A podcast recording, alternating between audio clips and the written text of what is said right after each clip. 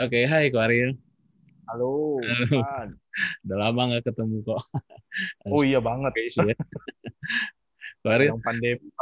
ah, aku eh, mau eh, mengucapkan terima kasih dulu sebelumnya. Eh, saya tahu bahwa Ko Ariel nggak punya banyak waktu karena schedule-nya saya lihat padat sih. Enggak juga sih. Isi relasiologi, kemudian eh, mengajar ya kok ya masih. Nah, syukurnya Evan sebenarnya agak lumayan tepat waktunya. Eh, gue lagi break semester. Gitu, jadi ya nggak sepadat kalau lagi ngajar sih. Kalau lagi ngajar hari Kamis gini biasanya gue udah habis tenaga emang. Karena di semester sebelumnya itu ngajar empat kelas dari pagi sampai sore itu. Oke. Nah, hari hari ini diiyain karena ya pagi-paginya nganggur. Gimana Gitu. saat-saat ini kok? Udah lama ngincer emang. Oke deh. Farid, izinkan saya juga untuk eh, memberikan kredit pertama eh, pertama-tama gitu ya. Saya ini menurut pendapat saya ya, menurut pendapat Hmm. saya Farid adalah salah satu eh, pembicara yang khotbahnya related banget sama kehidupan pribadi saya. Ini menurut saya lah. Oke. bukan berarti pembicara yang lain karena tidak related jadi tidak dibilang bagus, tapi ini kredit untuk Kwaril tersendiri gitu. Puji Tuhan. Thank you, thank you. Selain itu juga kan Kwaril adalah dosen eh, ilmu komunikasi di salah satu Iya, betul. per- eh, perguruan tinggi swasta di Bandung Mhm, mhm. dan eh, saya pikir Kwaril ini berhasil dalam menerapkan ilmu yang Kwaril punya ke dalam khotbah-khotbah itu kok. Jadi eh, sedikit banyak khotbah-khotbah itu sangat mengena sekali kok di saya pribadi ya. Mudah-mudahan teman-teman yang mendengarkan juga mendapat gitu. Kurang Kok, itu tenang. kok. Ya. Eh, eh, aku mau eh, buka satu pertanyaan eh, begini. Terkait dengan eh, tadi Kwaril adalah eh, dosen artinya eh, Kwaril juga banyak didengarkan sama banyak orang gitu ya pendapatnya Mhm. atau eh, ajarannya begitu. Kira-kira Kwaril eh, beban gak sih kalau misalkan eh, omongan yang kok keluar daripada mulut Kwaril gitu? Eh, karena kan orang juga akan membuat Kwaril itu sebagai istilahnya sp- spotlight begitu ya karena dia udah eh, berbicara sesuatu hal yang luar biasa Mhm. semua orang melihat akan melihat ke kehidupannya Kwaril gitu Mhm, mhm. apakah Kwaril merasa beban karena berhubungan dengan saya juga eh, di di kesempatan ini gitu di kesempatan eh, di tempat saya bekerja Hmm. orang juga banyak banyak mendengarkan saran saya begitu karena Mhm. istilahnya ya saya di dinilai sebagai advisor eh, Mhm. investment eh, dan Mhm. mereka banyak sekali mendengarkan saya gitu jadi Mhm. saya pribadi apa ya punya beban gitu karena kalau misalkan apa yang saya perbuat tidak sesuai dengan apa yang saya ucapkan Hmm. ras- rasanya begitu ya dalam tanda kutip Mhm. saya sedikit saya sedikit keluar jalur begitu Iya. ya menurut Kwaril eh, gimana bu Oke, tentu saja uh, ya ada yang bilang makin banyak yang kita tahu, makin banyak kita dituntut, dan makin banyak yang kita ajarkan juga makin banyak yang harus kita terapkan. Dan itu memang betul. Uh, gua uh, gua mengajar ilmu komunikasi dan banyak hal tujuannya adalah supaya dan di, di- termasuk di mata kuliah yang gua ajar tujuannya adalah gimana supaya orang punya hubungan yang baik dengan orang lain.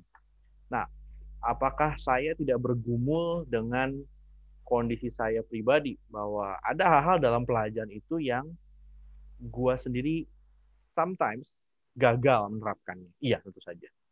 Di pelajaran kan gua ngajar soal soal bagaimana emosi kita mempengaruhi tentang komunikasi kita. Tapi pandemi ini eh, dan gue pikir gue sebelum pandemi ini gue pikir gue relatif orang yang cukup sabar. Ya. Gitu. Ya, eh, tapi kemudian setelah pandemi dan dalam kondisi di rumah, gue lebih banyak di rumah. Dulu kan jalan, kita keluar, ngajar. Kadang dari pagi sebelum semuanya bangun, pulang udah sore, gue di kampus gitu. Nah, tapi sekarang gue masih satu pekerjaan tambahan waktu pandemi adalah menemani anak sekolah di rumah. Ya. Dan itu gak gampang. Gue akan bilang itu gak gampang bagi gue sendiri. Ya. Gue berkali-kali emosi dan mungkin nggak tahu ada pada nggak ceritanya atau enggak bahwa gue pernah bahkan uh, boleh dibilang apa ya membentak anak gue ketika mikrofonnya dia menyala. Jadi mikrofonnya menyala dan sampai gurunya mematikan mikrofon karena terdengar keras banget suara gue kayaknya. Oh. Nah, itu memalukan sekali, itu memalukan sekali. Dan gue nggak nggak punya siapa pun yang bisa gue pukul selain diri gue sendiri bilang. Lu dan setelah itu besoknya atau lusanya gue mengajar kelas. Dan yeah. satu yang gue ajar soal emosi kamu tuh berbahaya kalau kamu nggak kendalikan. Omongan yang keluar bisa kamu sesali. Dan waktu gue ngomong itu gue cuma bisa merenung, iya, lu baru aja ngelanggar itu kemarin. Gitu lu baru aja melanggar ya lu udah tahu apa yang benar tapi sometimes ya dalam uh, lu bahkan gak inget apa yang lu ajarin jadi ada tentu saja tekanan itu ada ada dan kalaupun orang nggak tahu ya kita kan kayaknya punya kehidupan pribadi yang orang nggak tahu gitu kan kita simpen gak nyampe mereka tahu bahwa ternyata gue tuh orangnya nggak seperti mungkin yang di Instagram yeah. atau di YouTube channel probably juga atau bahkan di depan jemaat ya. ditambah yeah. juga gue juga kan punya satu tugas lain yang gue lakukan di luar mengajar adalah mengajar di gereja atau lingkungan komunitas rohani di mana uh, ada semacam pandangan yang menurut gue juga nggak realistis tapi itulah kenyataannya bahwa kalau lu ngajar di, di komunitas rohani you must be a very spiritual person yang above average padahal enggak gitu nah jadi tekanan itu ada kalaupun orang lain nggak tahu diri lu tahu dan itu yang lu nggak bisa paling nggak bisa lu bohongin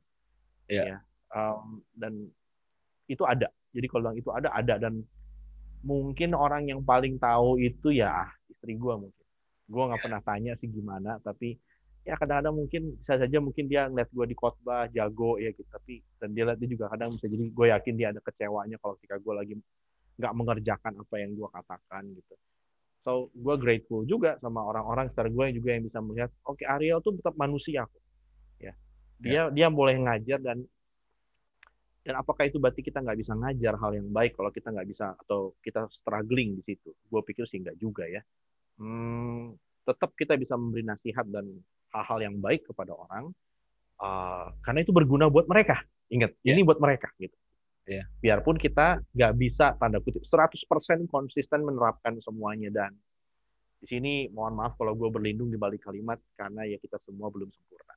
Okay. Gitu. Tapi pressure itu ada pressure itu ada dan satu orang yang nggak bisa lu bohongin paling nggak diri lu sendiri bahwa kalau lu berlaku munafik kalau lu nggak melakukan apa yang lu katakan kalau lu juga hilaf atau kamu tuh kebawa emosi sehingga kamu melupakan semua logika follow your emotion dan lu marah lu uh, lu guru lu lu guru fitness tapi lu nggak diet lu melanggar diet pokoknya apa pun lah lu bisa aja melanggar itu dan hati lu sendiri tahu Ya. Dan kadang itu tekanan paling besar. Itu sih pendapat gue. Oke. Okay. Lantas, adakah batasan-batasan uh, soal apa yang kita ajarkan gitu Pak Rio? Hmm. Related dengan pertanyaan yang pertama bahwa kita harus mempercayai pertama kali untuk untuk untuk menjadi seorang public speaker atau katakanlah orang yang didengar pendapatnya begitu oleh banyak begitu ya bahwa kita harus berbicara sesuai dengan apa yang kita percaya ya begitu. Betul. Artinya, apakah ada batasan-batasannya kok? Misal, misal contoh. contoh. Saya percaya bahwa jarak antara Jakarta dan Bandung adalah sebanyak 324 km. Contoh. Oke. 324 km. Tapi saya tidak tidak eh, beberapa beberapa fakta tidak tidak menunjukkan itu gitu. Ada mungkin hmm. Menunjukkan 320, ada yang mungkin menunjukkan 330 begitu kira-kiranya. Eh, apakah apakah ada batasannya kok antara apa yang kita pelajari tapi itu di luar kita begitu? Apakah kita harus menyampaikannya benar-benar bulat-bulat atau cukup yang kita percayai aja? Jadi kalau boleh gue pahamin, uh, apakah apakah yang kita percayai apa, apa kita harus mengajarkan apa yang kita percayai begitu? Iya. Uh, kira-kiranya kita kan ada level confidence kok untuk mengucap atau untuk berkata di depan umum hmm. segala sesuatu teori yang kita percayai. Kadang itu bisa hmm. berita, karena kita kan mengutipnya tidak hanya dari satu literatur kan.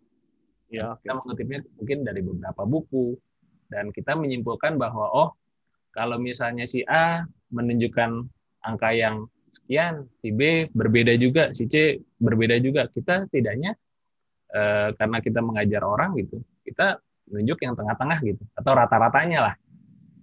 Hmm. Setidaknya gitu, setidaknya kita berdasarkan oh si A menunjukkan angka sekian, si B menunjukkan angka sekian, si C menunjukkan angka sekian gitu. Apakah bolehkah kita mengambil kesimpulan sendiri begitu? Iya. Apakah hal itu ideal kok menurut Pak Aril sebagai public speaker? Oke. Okay. Hmm. Dunia ilmiah, nah gini, kalau kalau kita ngomongin dunia umum, orang ngomong, orang bisa ngomong apa aja. mereka bisa ngomong apa aja yang mereka percaya. Nah, di, di, di, di kondisi berhadapan dengan di dunia umum, orang ngobrol apa adanya gitu. Pertanyaannya begini, sudahkah kita mengecek kebenaran omongan kita? Sudahkah kita punya dasar untuk membangun argumen itu? Uh, dan juga termasuk apakah kita bersedia mengubah pendapat kita kalau ternyata selama ini kita berargumen yang salah. Termasuk mengakui bahwa kita nggak tahu. Itu banyak banget yang mesti kita itu. Tapi di dunia akademik emang nggak terlalu se, se, se sepemaaf itu berarti di dunia akademik kalau kamu mau bilang misalkan saya menyimpulkan begini-begini ya tadi kayak Evan bilang kita harus punya harus bisa tahu fakta datanya harus kuat banget kuat banget. Di dunia umum mungkin orang nggak terlalu percaya atau bahkan orang nggak terlalu peduli bagaimana Evan bisa sampai pada kesimpulan seperti itu gimana Ariel bisa ngomong seperti itu. Dan mereka cenderung kayak cari siapa yang cocok sama pendapat mereka aja. Jadi kalau tadi misalkan uh, contoh kalau gue pikir gue bilang ke Bandung Jakarta tuh sebentar kok terus nggak jauh. Ya, karena mungkin gue menikmatinya dengan cara yang paling bagus, dengan kendaraan yang paling bagus, tapi ada orang yang nggak menikmati seperti itu. Nah, maka yang yang akan dengar omong omongan gue mungkin ya orang-orang yang menikmati hal yang sama dengan gue. Gue akan cenderung menarik orang-orang yang sependapat sama gue. Nah, uh, tapi di dunia akademik, ya dunia ilmiah, maka itu nggak bisa modal kamu menyampaikan apa yang ya kamu cuma percaya apa yang kamu suka aja. Kita harus menimbang semua fakta-faktanya, kita harus beberkan bukti-bukti uh, apa sih kita sampai pada kesimpulan seperti itu. Nah, misalkan saja anak-anak S1, anak-anak yang lagi kuliah S1, dulu zaman gua kuliah, uh, kami diwanti-wanti untuk kalau sidang skripsi, jangan sampai berani bilang menurut pendapat saya. Karena kamu belum punya hak untuk berpendapat. Iya. Karena kamu iya. bukan ilmuwan. Yang bisa kamu lakukan hanyalah mengutip dari para ahli. Dan iya. sampai dengan pada gitu. Berdasarkan itulah saya menyimpulkan. Nah itu. Ya. Kita hanya bisa menyampaikan dari apa yang kita bisa bangun. Nah, tapi tadi di dunia sekarang informasi selawang seleweng sana kemari dan orang-orang bisa ngomong apa aja yang mereka pengen. Maka eh, batasan-batasan eh, itu kadang jadinya nggak terlalu berguna menurut pendapat gue, Pak. Hmm. Karena akhirnya orang hanya akan sampaikan apa yang dia bilang aja. Dia percaya bahwa minum ini anti COVID. Kalau minum ini kamu akan kena COVID. Yeah. Well, go ahead dan ada nggak yang dengar ada ada yang iya. percaya yeah. ada yang percaya yeah. karena bagi kita juga jualan itu ya iya gitu nah tinggal yeah. sekarang ya memang uh, kalau kalau gue sih menerapkan batasan pada diri gue sendiri bahwa gini kalau saya sampai mau ngomong itu saya harus punya backup biarpun orang mungkin nggak nanya tapi gue mesti punya backup dari mana gue bangun itu ya dan harus jujur kalaupun akhirnya kita bilang gini semua cewek kayak gitu. Kita ngomong itu ya, semua cewek kayak gitu. Kalau orang nanya, dari mana kamu dapat kesimpulan seperti itu? Nah, kalau apakah kamu udah ketemu sama semua cewek? Nah, mungkin gue harus aku gini, ya belum sih, tapi gue punya pengalaman sama lima cewek, misalkan. Ya paling nggak berani akui lah bahwa kamu ambil kesimpulan dari mana. Iya, gue punya, gue lima kali pacaran, pengalamannya sama aja. Jadi gue pikir semua cewek kayak gitu. Minimal berani bertanggung jawab sama apa yang kita katakan. Dari mana kamu dapat pandangan itu? Ya. Termasuk juga ini yang paling berat kalau kamu melang kalau kamu nggak punya batas kamu harus mengakuinya bahwa iya saya nggak punya itu itu feeling gue aja akui aja nah, sayangnya orang kan kadang di dunia informasi yang begitu banyak sekarang orang berdebat berargumen ya mereka benar cuma modal ngotot. Siapa yang paling ngotot dia yang menang, bukan siapa yang punya fakta. Jadi batasan-batasan itu memang harus ada sih. Memang batasannya ada yang punya batasan cukup ketat, ada yang agak longgar. Well, tapi paling nggak punya batasan lah. Dan kalau, dita- kalau batasan batasan itu ditantang, di challenge gitu kan, dari mana kamu dapat itu? Beranilah untuk bercerita. Jangan lalu bilang, ya gue udah baca buku, buku yang mana? Ya pernah aja. Nah, oke, minimal kalau bilang oke saya lupa. Termasuk gue juga sekarang mulai coba untuk tanya gue pribadi. Untuk hati-hati mengatakan sesuatu yang mungkin menurut gue gue nggak tahu. Kalau emang gue nggak tahu, gue bilang saya nggak tahu atau mungkin atau gue pernah dengar ini nggak yakin belum tentu benar mengatakan itu. Paling nggak kita jadi kasih tahu ini doji, agak-agak goyang argumen gue. Gue nggak punya bukti, gue nggak punya bat. Tapi gue sendiri menerapkan bat. Jangan sampai gue mengatakan hal-hal yang uh, gue nggak tahu, tapi gue sok tahu. Gitu. Ah. gitu. Kalau gue ya, gitu. Itu menjawab sih pertanyaan gue? Sangat pertanyaan lu. Karena sebenarnya pertanyaan telanjangnya itu begini. Gue beberapa belakangan ini ya sangat Hmm. Eh, tertarik sekali untuk membaca teori-teori konspirasi Oke. dan ya tadi dengan analogi ngaco gue gitu ya soal jarak ke Jakarta dan Bandung. Tapi sepertinya tadi sudah dijawab oleh Klaril bahwa sebenarnya yang mau gue tanyain adalah uh, relatednya dengan teori konspirasi dan apa yang terjadi di pandemi ini gitu kok. Artinya ada beberapa fakta-fakta yang kita juga nggak tahu ya kebenarannya. Hmm. Tapi itu masuk akal gitu. Artinya Hmm. kita bertanggung jawab pada saat kita mengeluarkan uh, kalimat-kalimat tersebut, uh, fakta-fakta Hmm. tersebut. Istilahnya kalau nggak bener kredibilitas kita yang dipertanyakan kan, Bro? Betul. Hmm. Iya, makanya tadi saya sangat terjawab sekali. Istilahnya saya analogikan dengan analogi yang ngaco. Hmm. Hmm. Tapi Wari kelihatannya memang menangkapnya ke sana gitu. Hmm. Iya. Eh, Klaril, se- eh, aku yang menggelitiku sebenarnya gini ya di pandemi ini eh, balik lagi soal ada beberapa orang yang menganggap pandemi ini negatif pandangannya terhadap pandemi ini ya ada yang mau eh, orang yang berpa- ber- berpandangan positif dan saya pribadi sendiri sebenarnya sangat bersyukur dengan adanya pandemi ini gitu istilahnya Oke. eh men kesehatan saya dijaga gua Hmm. amit-amit lah gua sampai dengan saat ini negatif terus nggak pernah positif covid Wah hebat. Lu udah udah berapa, udah berapa kali tes berarti ya? Udah pernah ngalamin di tes ya? dua dua kali Waduh. kemudian eh, keluarga juga gua juga puji Tuhan sehat Oke. dari keuangan bolehlah dibilang kondisinya oke karena gua nggak mengalami eh, seperti teman-teman yang lain mungkin dipotong gaji Iya. kemudian Hmm. kehilangan pekerjaan Gitu. Hmm. gue gue sangat bersyukur gitu dan eh, satu hal yang disentuh di pandemi ini mbak yang gue rasakan gitu ya kok ya gue seperti merasa back to back to nature gitu as a human nature gitu ya kita Hmm. biar ke dunia ini tanpa apa-apa gitu kok Hmm. tanpa sehelai baju bahkan di Hmm. yang melekat di badan kita gitu dan eh eh, apa namanya gue merasa bahwa di keadaan seperti ini kita juga kan nggak tahu kok besok bagaimana nasib kita kan istilahnya Hmm. apakah ini adalah hari-hari terakhir kita begitu boleh Hmm. boleh di istilahnya sedramatisir itu gitu keadaan Hmm. ini gitu ya yang gue mau tanyakan adalah bolehkah kok misalkan kita lahir ke dunia ini tanpa istilahnya tanpa apa-apa bahkan tanpa agama kok Hmm. dan kita mau balik lagi gitu ya istilahnya mau balik lagi mau ke mother nature lagi kita meninggalkan agama gitu sedangkan eh gue sih gue pribadi ya kalau soal kepercayaan dengan Tuhan Yesus Kristus dengan tadi yang gue ucapkan bahwa pandemi ini gue merasa gue sangat eh, diberkati sekali gue diluputkan dari banyak bahaya.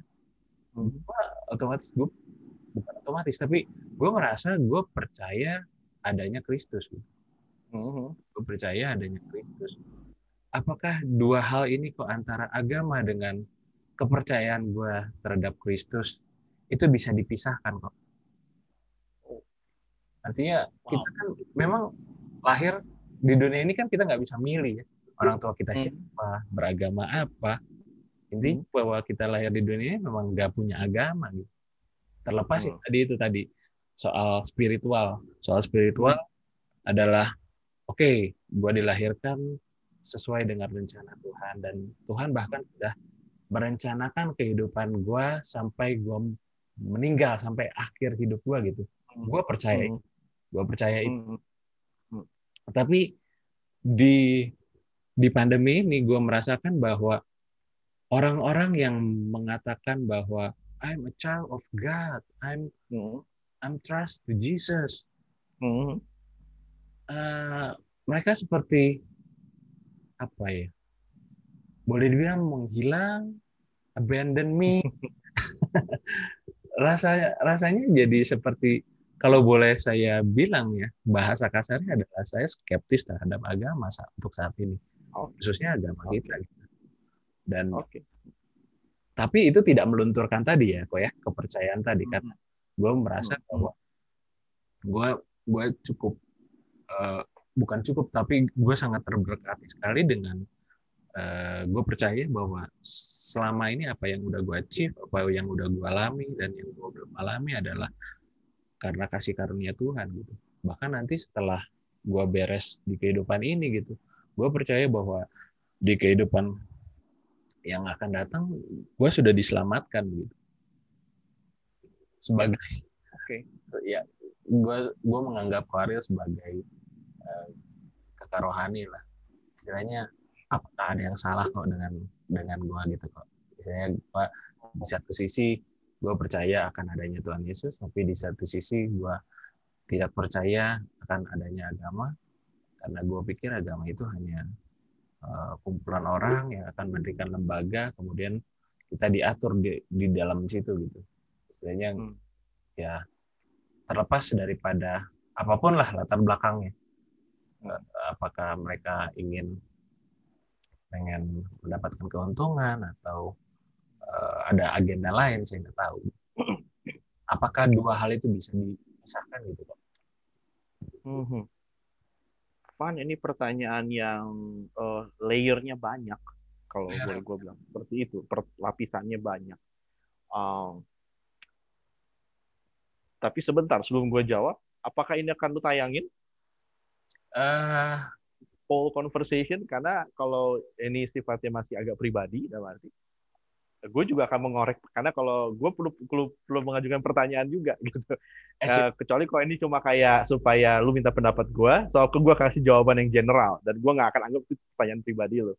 as, as, eh, as your permission sih kok kalau misalkan ini tayang atau enggak as your permission Eh, gua- Oh. jadi kalau misalkan eh, Ko Eh, tidak berkenan untuk ditayangkan gue juga nggak akan bagus gue Oh juga enggak, karena gue karena gua akan ngorek lu juga. Itu itu itu itu. Ya. silahkan kok kalau misalnya mau ngorek gue juga gue justru berharap bahwa ada jawaban jujur gitu ya Oke, baiklah. es Oke, tadi yang gue kalau gitu. bahwa gue menganggap Ko Ariel sebagai kakak rohani gue jadi Oke. eh gue merasa apa ya mungkin gue bertanya ke orang yang tepat begitu jadi Koril eh, mau mau korek gue secara secara eh, apa namanya belak belakan gitu ya silakan kok Hmm. gue mau Oh. gue mau jawaban jujur gitu Oke. Eh, karena gue menangkap, misalkan gini, eh, yang gue tangkap bahwa kalau bisakah kita memisahkan antara apa yang gue percaya dengan agama, misalkan, ya, menurut lu kan gitu kan ya. Iya. Eh, bahkan dulu ada yang bilang gini, ada bahkan ada buku yang judulnya begini, How to Become Spiritual Without Being Religious. Ya. gitu ya, bahwa gimana saya saya tuh spiritual, saya tuh percaya sama ini, tapi saya nggak percaya sama eh, apa eh, institution gitu kan, institusi agama itu boleh dibilang kayak gitu yang yang sering kali muncul dalam bentuk organisasi, aturan-aturan, um, orang-orang, nah gitu, orang-orang pada kita. Jadi uh, sebab kalau misalkan, gue akan tanggapi seolah ini bukan lu juga, sih. Kalau ada yang bilang saya nggak percaya agama, tapi saya percaya pada Tuhan. Bahkan cukup spesifik sekarang bilang saya percaya pada Yesus. Maka pertanyaannya gini, dari mana kamu tahu Yesus ini? Dari mana kamu tahu Yesus ini? So ini bukan lu ya, kita dijawab general dulu. Ya. Dari mana kamu tahu Yesus ini? Siapa yang mengajarkannya kepada kamu? Uh, bagaimana kamu bisa membangun pemahaman kamu tentang Yesus ini? Dan akhirnya, misalkan kalau dia mau jawab, oke, okay, saya tahu dari uh, Alkitab Oke, berarti apakah kamu mempelajari seorang diri tanpa ada yang menerangkannya kepada kamu? Kalau jawabannya iya, maka sebenarnya boleh dibilang pertanyaannya sudah kamu mengerti sungguh-sungguh apa yang kamu baca. Dan menurut kekristenan yang gue pelajari, eh, kekristenan sendiri, misalkan Alkitab sendiri menulis bagaimana orang itu harus diajar. Jadi bukan modal tahu, cari tahu sendiri enggak. Dia harus diajar. Dan ada yang bilang, oh gampang, saya tinggal baca nonton YouTube, dengan khotbah saya belajar tentang siapa itu Yesus dan kekristenan. Uh, ada ada ada celah dalam pemahaman bahwa yang penting saya bisa belajar sendiri. Bahkan ada yang bilang, oh saya diajar Kudus langsung malah. Saya nggak butuh gereja, saya diajar Kudus langsung, gitu kan. Dan dia bahkan bisa mengutip ayat yang bilang, kamu nggak butuh banyak guru, kamu perlunya uh, karena Roh Kudus yang menerangkan kepada kamu. Dan balik lagi pada akhirnya Alkitab juga ngomong bahwa kamu harus diajar, tetap aja pada akhirnya kamu jangan membaca cuma satu ayat, kamu harus membaca seluruh Alkitabnya. Jadi apa yang diajarkan, diteladankan dari kehidupan orang-orang Kristen pada mulanya adalah soal bagaimana mereka saling mengajar dan saling dikuatkan. Dan itu dibangun dalam suatu komunitas. Nah memang kemudian kita terpentok sama ide tentang agama. Nah ada yang bilang misalkan kekristenan itu bukan agama. Uh, perkenankan saya untuk berkata nggak segampang itu juga mengatakan oh agama itu kan aturan-aturan Oke, apakah dalam kekristenan ada aturan? Tanyanya. Baca Alkitab, itu aturan. Sekumpulan aturan. Gitu. Jadi kalau aku bilang, oh ya tapi kan ini masalah hubungan sama Tuhan. Oke, apakah dalam hubungan tidak ada aturan? Ya. Ya, Evan punya istri. Ya, wow itu hubungan ya bukan gue cinta bukan karena wajib gue sama dia. Oke, tapi ada aturan nggak? Ya ada, ada. Justru karena dia istri gue, gue kasih aturan sama dia dan karena gue suami dia, gue juga mau nurut sama aturan dia. Iya nggak, Ivan? Sebagai orang berkeluarga, biarpun ada cowok-cowok yang nggak bilang, oh gue mau nggak suka diatur sama cewek, tapi lu memperhitungkan perasaan dia. Dan kalau kamu nggak memperhitungkan perasaan istri kamu, kamu suami yang buruk. Gitu. ya mau kita benar peduli amat sama gue gitu. Justru anak-anak kita, anak-anak kita, ya mereka punya hubungan sama kita betul. Karena mereka punya hubungan sama kita, kita kasih mereka aturan. Gue atur lu, karena lu anak gue kalau lu bukan anak gue, gue nggak akan ngatur-ngatur hidup lu. Kenapa? Karena tadi tapi gini, based on what? Based on love. Karena cinta, karena kita mengasihi. Jadi kalau ada yang lalu misalkan seperti yang Evan bilang, saya kok kayak skeptis sama agama. Well, Van,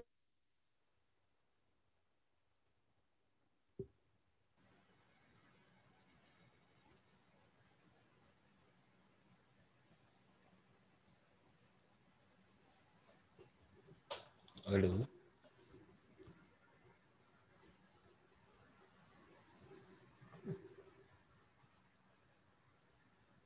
Waril.